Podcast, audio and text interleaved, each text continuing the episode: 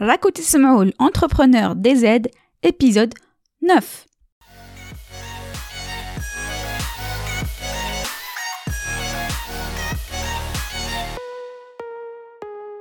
مرحبا في البودكاست Entrepreneur DZ le podcast اللي تصيبوا فيه l'inspiration business معكم ليندا وفي هذا البودكاست حنبارطاجي معكم واش تعلمت في لو موند دو بيزنس اون لين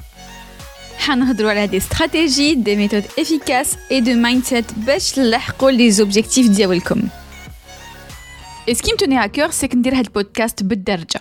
باسكو راني حابة يكون اوسي سو جور دو كونتوني بالديرية تاعنا باش ان ماكسيموم تاع الناس يديكوفريو ويفهموا هاد لي سوجي وهاد لي استراتيجي وباش نرجع هاد لي انفورماسيون encore plus accessibles ليكم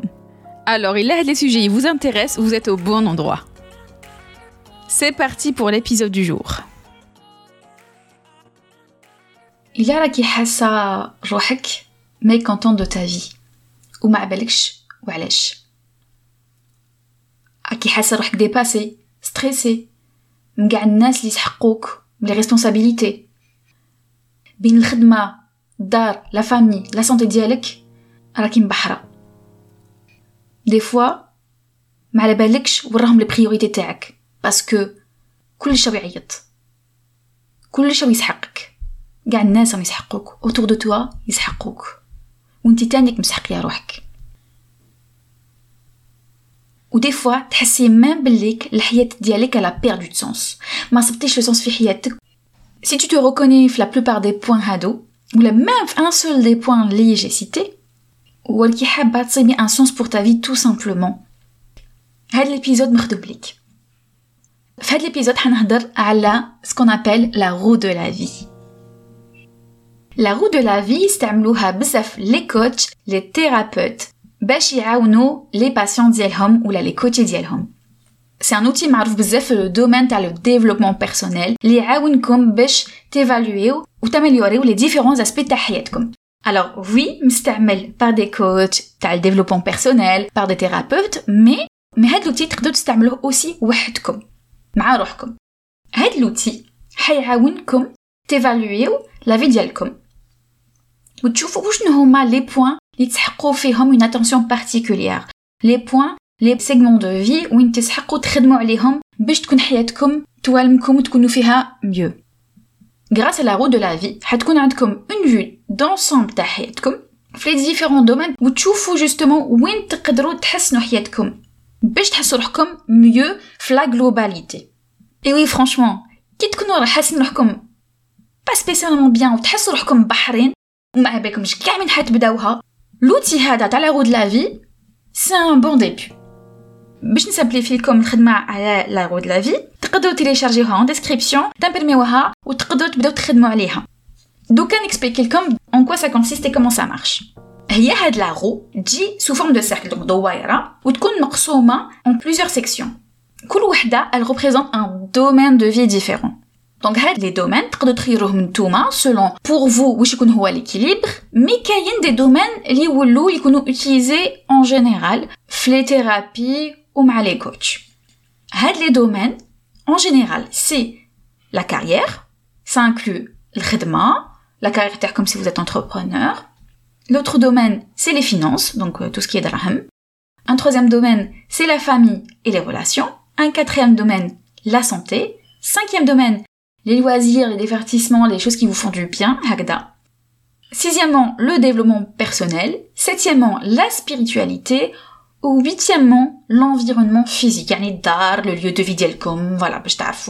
à quel point Hako fait bien ou pas. وانتوما شوفوا شنو هما لي دومين دو في اللي تحقوهم باش يكون عندكم ان ايكيليبر في حياتكم. Alors, كيفاش ديروا باش توتيليزيو لا رو de la vie La roue de la vie dit sous forme de représentation graphique, dit دوائرة, مقسومة en plusieurs domaines, en plusieurs secteurs. بعد pour chaque domaine, vous allez évaluer وين غنكون لاحقين de 0 à 10 كاين اللي يفاليو juste de 1 à 10 يقولك 0 ce n'est pas possible voilà donc شوفوا نتوما mais personnellement je suis d'accord مع l'opinion هادي اللي تقول لك bah non on évalue de 1 à 10 0 c'est quand même euh, voilà enfin ما كاش 0 donc نتوما كي حتنوتيو chaque secteur chaque domaine de vie vous allez pouvoir identifier وين لازم تامليوريو الحياة ديالكم بعدا كي تكملوا كاع لي دومين دو في vous allez voir à quel point c'est équilibré ou la déséquilibré justement. les notes vous allez déterminer un, deux, voire même trois domaines. وهكذاك تقدروا تحطوا des actions pour هادوك les domaines de vie باش تولي حياتكم خير. في le développement personnel, il y a plusieurs auteurs et conférenciers معروفين بزاف في le monde اللي هضروا على هاد la roue de la vie وكل واحد قسم la roue de la vie هادي en plusieurs domaines où les domaines ils sont différents d'un auteur à un autre. Généralement كاين de 8 à 10 segments كان يستعملوا 4 segments وكاين اللي يطلعوا حتى ل 12 segments. Donc نعطيكم la première version اللي معروفة اللي هي تاع meilleur الاول اللي عرف بهاد la méthode. Donc عندكم premièrement santé et forme physique,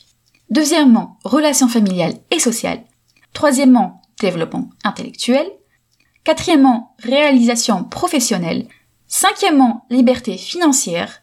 sixièmement développement personnel, septièmement relations amoureuses, huitièmement loisirs et passe-temps, Neuvièmement, connaissance et croissance spirituelle. Dixièmement, contribution à la société. Onzièmement, environnement physique. Douzièmement, image et estime de soi.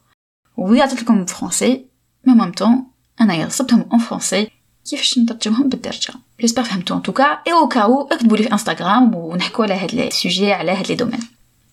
Ou donc, on a comme la version qui 7 segments. On va comme la version qui 4 segments. باش هكاك فريمون تستعملوا لاغو اللي توالمكم الميو ويكونوا عندكم كاع لي ديتاي باش تخدموا عليها en ayant vraiment les bonnes informations sans avoir à faire d'autres recherches من جهتكم alors la prochaine اللي هي مستعملة par Tony Robbins فيها 7 segments كاين la carrière ou là le domaine de vie professionnel deuxièmement les finances يعني الدراهم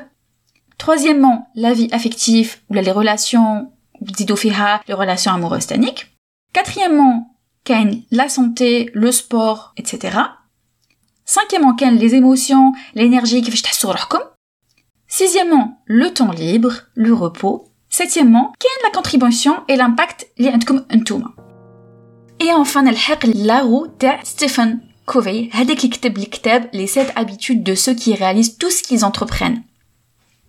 هذا الكتاب معروف بزاف وهذا لوتور يهدر على 4 segments principaux وشاك segment تقدروا تقسموه على أربعة لك حابين Le premier segment c'est le corps هذا il inclut la santé physique donc الصحة ديالكم la nutrition donc واش تاكلوا l'exercice, donc sport, et le bien-être, donc comment vous vous sentez. On va deuxièmement comme l'esprit, où hada il inclut l'éducation, l'apprentissage, la spiritualité et l'épanouissement personnel. On va comme troisièmement le cœur. Le cœur, ça inclut les relations générales, la famille, les amis, les partenaires. On va comme quatrièmement le portefeuille le portefeuille les finances la carrière comme les affaires et les contributions. Voilà. Donc j'espère que هاد لي رو فهمتوهم خيروا ديجا على حسب واش سمعتو دوكا هاديك اللي elle vous parle plus باش تقدروا تخدموا على لا رو دو لا في ديالكم ما تنساوش سيكون ديسكريبسيون دي وركشيت تري سامبل باش تقدروا ديروا لا رو دو لا في ديالكم حنحط وحده فارغة باش تقدروا نتوما تقسموها كيما حبيتو ان توكا كي تكونوا حاسين روحكم راكو حابين تعمليوريو حياتكم وما بالكمش تخو من تبداو أبداو بالا غود لا في سواي اوبجيكتيف لا نوتاسيون تاعكم ما ديروليش زيرو ولا واحد بارتو Soyez objectifs. Le but c'est pas de juger, de se juger, mais d'être les plus objectifs possibles.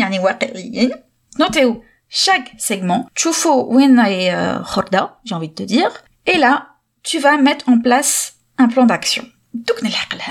Hein. Mais avant, vous devriez utiliser la roue de la vie. Parce que comme en introduction, mais un peu plus de détails. Des fois, nous dans une bulle. نكونوا في حياتنا tellement à fond فاشن نديرو tellement à fond في حياتنا tellement في لي روتين ديالنا qu'on se rend pas compte que الحاله راهي كاع ديسيكيليبري que en tant que mère راكي à fond مع ولادك وما راكيش شايفه كاع واش كاين à côté راكي مع الفوايي ما راكي شايفه ta vie euh, côté loisir, et je sais de quoi je parle, maraki shaifa tes amis, maraki shaifa tes relations, ou là, en tant qu'entrepreneur, à fond, et tu laisses de côté ta famille. Enfin, quoi qu'il en soit, peu importe le type de vie que vous avez, souvent on a un déséquilibre. Et des fois, on n'en a pas conscience. Ou là, on en a conscience, mais voilà, ça a l'air d'être tellement compliqué d'en sortir. à part Donc, qui traite-moi la route de la vie d'Yelcom, et en plus, ça prend pas tant que ça de temps, vous allez prendre conscience de l'équilibre général ou le déséquilibre de la vie حتشوفوها visuellement vous allez pouvoir la visualiser puisque راهي dans un graphique فوق ورقه وحيبانوا لكم les priorités ديالكم les priorités اللي راكو ديجا افون فيهم مي لي بريوريتي اوسي اللي على بالكم لازم تخدموا عليهم باش يكون عندكم ان اكيليبر وتصيبوا ان بيان اتر وحياتكم ال ساميليور و اون فوا جوستومون تشوفوا هذوك النقاط لازم تخدموا عليهم ان توكا لي سيكتور لازم تخدموا عليهم تقدروا ديروا دي زوبجيكتيف بارابور ا سي دومين دو في تخدموا دي زوبجيكتيف سي با لا بين دي زوبجيكتيف بزاف كبار سي با لا بين تكونوا بزاف كومبليكي دون ان بروميير طون مي او موان حيبانوا لكم واش تقدروا ديروا باش تاميليوريو لا سيتوياسيون وكي ديروا لي زوبجيكتيف تاعكم يفو يكونوا كوم ميزورابل وتبلانيفيوهم مع الوقت ا مومون دوني لازم تميزوريو لي بروغري تاعكم لازم تعرفوا اسكو ا مومون دوني bah, vous êtes mieux dans votre vie اسكو صبتوا ان اكيليبر اسكو في هذاك لو دومين دو في طلعت لا نوت ولا لا لا بريف جو بونس هاد المره فهمتوا وعلاش سو سري بيان تستعملوا هاد لوتي ودوكا نعطيكم كلكو زيكزامبل باش تشوفوا كونكريتمون كيفاش نخدموا على هاد لا لا في Supposons qu'il y ait la route de la vie d'Eli, ou pour le domaine santé, une note hapta par rapport au reste. Dans ce cas, ce que je vais me dire, c'est qu'il faut que je mette un plan en place. Mais avant de donner un exemple, il faut que tu aies que qui la route de la vie d'Elcom, l'objectif c'est à la fois la situation de ta com, mais en plus, c'est d'améliorer avec la situation. Donc une fois que vous avez identifié les problèmes, vous allez les noter, ou vous allez les voir en tant que défi plutôt que problème, vous allez établir des objectifs. Vous allez fixer des objectifs spécifiques, réalisables. On les objectifs dans le prochain épisode du podcast. Donc, ce que vous allez faire dans les objectifs TACOM, c'est que vous allez énumérer les actions à mettre en place. Donc, pour chaque objectif, تحطوا نقطة بنقطة واش لازم ديروا من les actions باش تلاحقوا لهداك l'objectif. Si je prends un exemple où une route de la vie de فيها la santé حابطة ce que je vais faire, c'est que je me dis, j'ai identifié un problème. Ou un problème, c'est que مانيش ندير بزاف sport ou مانيش ناكل équilibré. Et en plus, مانيش نرقد بزاف. Une fois que j'ai identifié les problèmes et défini mes challenges, je vais établir des objectifs. Premier objectif, نقول ندير 30 minutes de sport par jour ou la 20 minutes de sport par jour pendant un mois. Donc tous les jours ندير sport pendant 20 minutes. نحطها comme objectif. Deuxième objectif, هناكل les légumes. Chaque repas, نبداها les légumes, ou en tout cas un minimum un légume par repas pendant un mois. Troisième objectif, نرقد 8 سوايع chaque nuit pour dans deux semaines, par exemple. En tout cas, à chaque fois, vous précisez combien de temps. En bas de la troisième étape, on va préciser où sont les actions à mettre en place pour chaque objectif. Par exemple, pour le fait de sport 20 minutes par jour, on va se dire, on la salle de sport mardi et samedi. Je vais tel type de sport. Ou là, je vais faire de la marche pendant tant de minutes par exemple tous les jours. En tout cas, vous précisez exactement où sont les actions à faire pour l'objectif d'Elcom. Pour atteindre le deuxième objectif, pareil, تحطوا شنو les actions à mettre en place. Par exemple, je vais planifier les repas d'Yali, نقضي ce qu'il faut, ما تنساش نقضي suffisamment de légumes باش ناكل les légumes تاعي à chaque repas ou نحوس des recettes équilibrées. ومن بعدها pour le troisième objectif نرقد 8 heures par nuit ما ننساش نحط une routine pour avoir le sommeil اللي حابة ما تنساش نطفي les écrans bien en avance idéalement 2 heures en avance وما ننساش par exemple نحبس القهوة tôt à vous de voir واش يلزمكم باش ترقدوا suffisamment voilà, se mettre au lito avec un bouquin, tout ma tarfou, ouch, imchi likum. Bêche te 8 heures de sommeil, te plus tôt, bêche plus tôt, enfin, c'est à vous de voir où les actions à mettre en place, bêche l'objectif, t'as 8 heures de sommeil par jour pendant 2-3 semaines, à vous de voir, la durée d'yelkom. Une fois que vous les actions à mettre en place, on un délai, une échéance. Voilà, c'est ce qu'on appelle couramment un délai. Ok, on a sport, j'ai déterminé combien de fois par, par semaine. Mais ce que je veux dire là, par délai, c'est que une date claire. Zama dans 30 jours à partir d'aujourd'hui. Deuxième objectif, pareil, تحطوا un délai, donc une date, باش تقدروا pareil تشوفوا وين راكم لاحقين et pareil pour le troisième objectif. ما تنساوش en tout cas que كي ديروا les objectifs تاعكم وتحطوا les actions à mettre en place, ديروها assez simple, c'est pas la peine de faire très compliqué parce que vous risquez d'abandonner et c'est pas l'objectif final. نتوما حبيتوا تافونسيو حبيتوا تامéliorer la situation donc c'est pas la peine de voir trop gros بداو des choses اللي على بالكم حتقدروا لهم ou chacun les besoins تاعو chacun sa situation donc si par exemple si elle elle peut faire du sport tous les jours parce qu'elle est disponible pour وعندها la salle de gym تاعها في طريقها بين الخدمه والدار بالك une autre elle pourra pas parce qu'elle a ses enfants à récupérer ou là علاش la salle في la ville ديالها qu'il faut qu'elle se déplace et donc il faut toute une organisation bah تحط sport تاعها en avance على بالها ماهيش حتقدر tous les jours ou de toute façon elle aura pas le rythme pour tous les jours donc حتحط deux fois par semaine c'est un minimum et même on dit que à la base pour le sport لازم واحد يدير 3 séances par semaine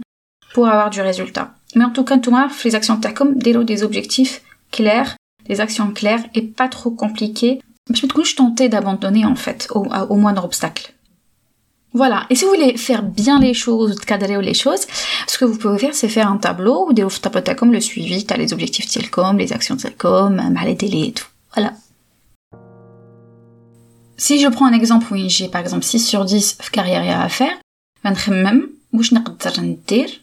باش نامéliorer la situation encore une fois واش هما les objectifs ديالي واش نقدر ندير donc là on va d'abord écrire les objectifs كما قلت لكم ومن بعد je vais me demander où je les ندير باش نحقق les objectifs ديالي par exemple je vais me former je vais améliorer les compétences في tel ou tel domaine باش نقدر باش نيفولوي في la carrière ديالي نقدر نحوس دي كوتش دي مونتور في les réseaux sociaux باش نتبعهم ونتعلم منهم نقدر نكبر الريزو بروفيسيونيل ديالي ça aussi ça peut aider في la partie carrière à faire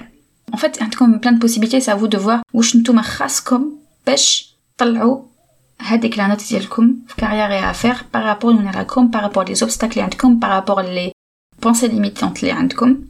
تحطوا لي زوبجيكتيف تاعكم وتحطوا شنو هما لي زاكسيون ا ميتر اون بلاس فوالا سينون ما تنساوش ديروها ريغوليرمون à vous de voir tous les ans, tous les six mois, حاولوا ديروا la vie ديالكم باش تشوفوا ناكل حقين, qu'est-ce qu'il faut améliorer, وراه l'équilibre ديالكم. Voilà, vous pouvez profiter de dates spécifiques qui m'a la nouvelle année باش ديروا البيلان ديالكم وتحطوا لا de la vie باش تشوفوا justement le bilan dans tous les domaines qui concernent votre vie. تقدروا تستعملوا هاد l'outil technique في des moments importants dans votre vie, des moments de transition, زعما une reconversion professionnelle, un nouveau bébé dans la famille, un mariage, كي تبدل حياتكم كي تكون ترانزيسيون في حياتكم ويعني بالكم بليك ليكيليبر ماهوش مليح وتكون تحوسوا ليكيليبر ديالكم. ولا il arrive des fois qu'on doit prendre des décisions ما تعرفوش اسك تروحوا في طريق A ولا طريق B. حوسوا في لي دو كا كاسكي pourrait vous donner plus d'équilibre في حياتكم؟ باش تدو لا ديسيزيون اللي توالمكم ولا تو سامبلومون تحبوا تطوروا جوست من ذاتكم تحبوا الديفلوبمون بيرسونيل تحبوا تافونسيو في حياتكم. في البيان اتر تاعكم et que tout simplement حبيتو ديروا un point sur votre vie sur l'équilibre ديالكم et donc dans ce cas vous faites la roue de la vie quand vous en ressentez le besoin et voilà وكاين اللي يقدروا يقولوا لي مي علاش كي تهضرنا على لا لا في سي كوا الرابور ان فات مع البيزنس تقدر تخمم بيزنس بيزنس مي ان فات اللي ما عندكش اكيليب في حياتك اكوا بون اللي ما عندكش اكيليب في حياتك سا فا كومبليكي باسكو طون بيان اتر طون مورال حيلعب دور كبير في كيفاش حتسير الامور ديالك في البيزنس تاعك في الشركه ديالك دونك اون طون كونتربرونور لا رود لا في تعاونك تشوف الحياه ديالك في لي ديفيرون اسبي وماشي غير في لونتربريز ديالك وتشوف وراهم les domaines وين ما راكش مليح فيهم et en entreprise tu peux l'utiliser aussi en définissant des domaines plus adaptés à l'entreprise ديالك plus adaptés les employés تاعك ou la vie des deux employés في l'entreprise et au-delà باش هكداك تشوف وراهم لي بوان اللي لازم تخدموا عليهم باش تكونوا كاع mieux et en meilleure situation يكون le bien-être meilleur في l'entreprise ديالك donc si je résume la roue de la vie tu peux la faire وحدك mais tu peux aussi demander de l'aide à des personnes extérieures, à un coach, à un thérapeute, باش يعاونوك في les objectifs ديالك اللي تروحك bloqué pour certaines raisons. Voilà, قربنا نلحقوا la fin. Là, je vais vous résumer les points clés à retenir.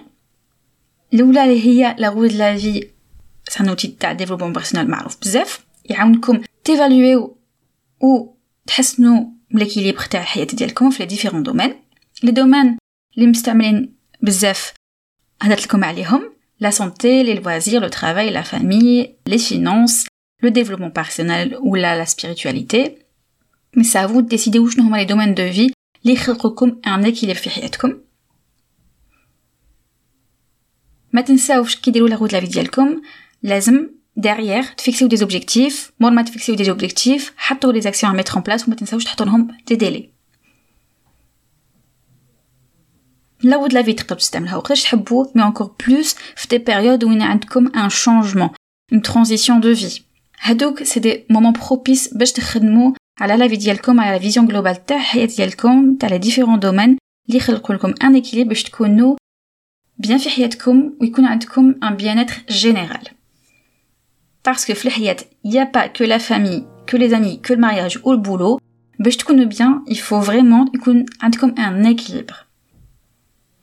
فوالا ان توكا لك حابين تستعملوا هاد لوتي ما تنساوش سويو هونات مع روحكم وفيكسيو لي زوبجيكتيف L'objectif, c'est pas de regarder juste ce qui est mal noté وين ما نجحتوش في حياتكم mais c'est vraiment de voir justement وين كاين نقصات باش طلعوا هادوك لي نوت ديالكم parce que tout est possible il y a beaucoup de choses بيدينا حنايا et si on veut que ça s'améliore et si on veut que notre vie s'améliore c'est à nous de regarder les choses en face de fixer des objectifs ونجوزو لاكسيون ونديرو واش لازم باش تكون حياتنا خير voilà à très bientôt